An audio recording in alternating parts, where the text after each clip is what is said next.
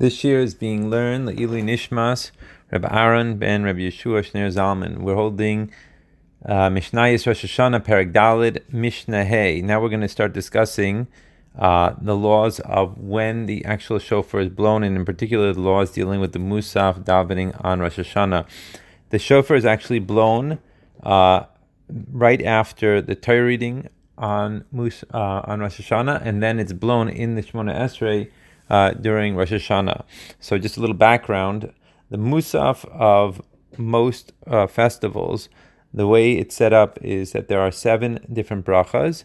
We start with Magen Avram, then Machayim Mesim, then Hakel HaKadosh, and then there's a fourth bracha which is special for the Yom Tov, which is Mekadesh Yisrael V'Azmanim, and then we go into Ritzei, Moedim, and Sim Shalom. So the question is that we have special psukim that we're going to be discussing a little bit later on that we add to the Musaf uh, Shemona Esrei of Rosh Hashanah. Those are the psukim of Malchus, which talks about how Hashem is the king over the entire world.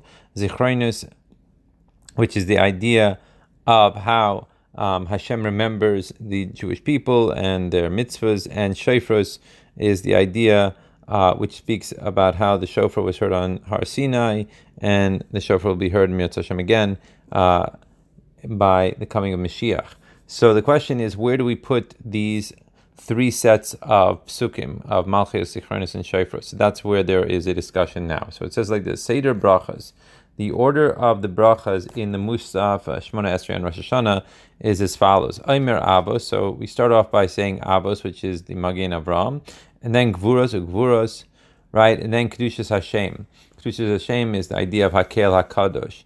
Now, the Tanna Kamma says here, "V'koilel Malchias imahem," that you put together the psukim of Malchias together with the uh, bracha of Hakel Hakadosh, and then ve'eno tokeya, we do not blow the shofar after the Malchias uh, psukim.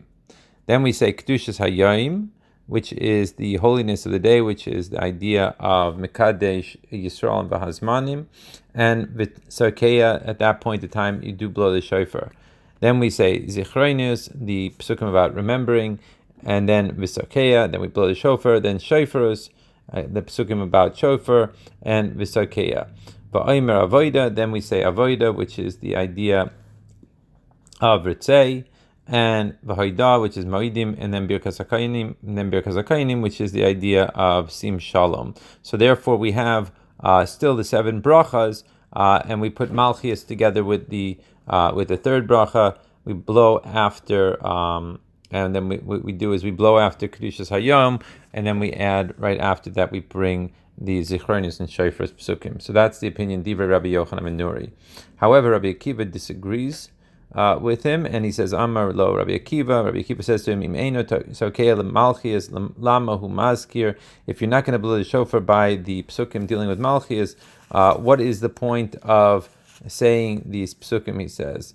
Um, you know, obviously it's a little bit of a, uh, it's not to be taken uh, in a literal sense, but uh, he's trying to bring out its point. So instead, Rabbi Akiva says you say the first three brachas of Magin Avram, Machaya Mesim, and Akela Kadosh. You say all those together. Then you malchias im kedushas hayoim Then you add the malchias psukim with the fourth bracha, which is Kiddushas Hayom, right?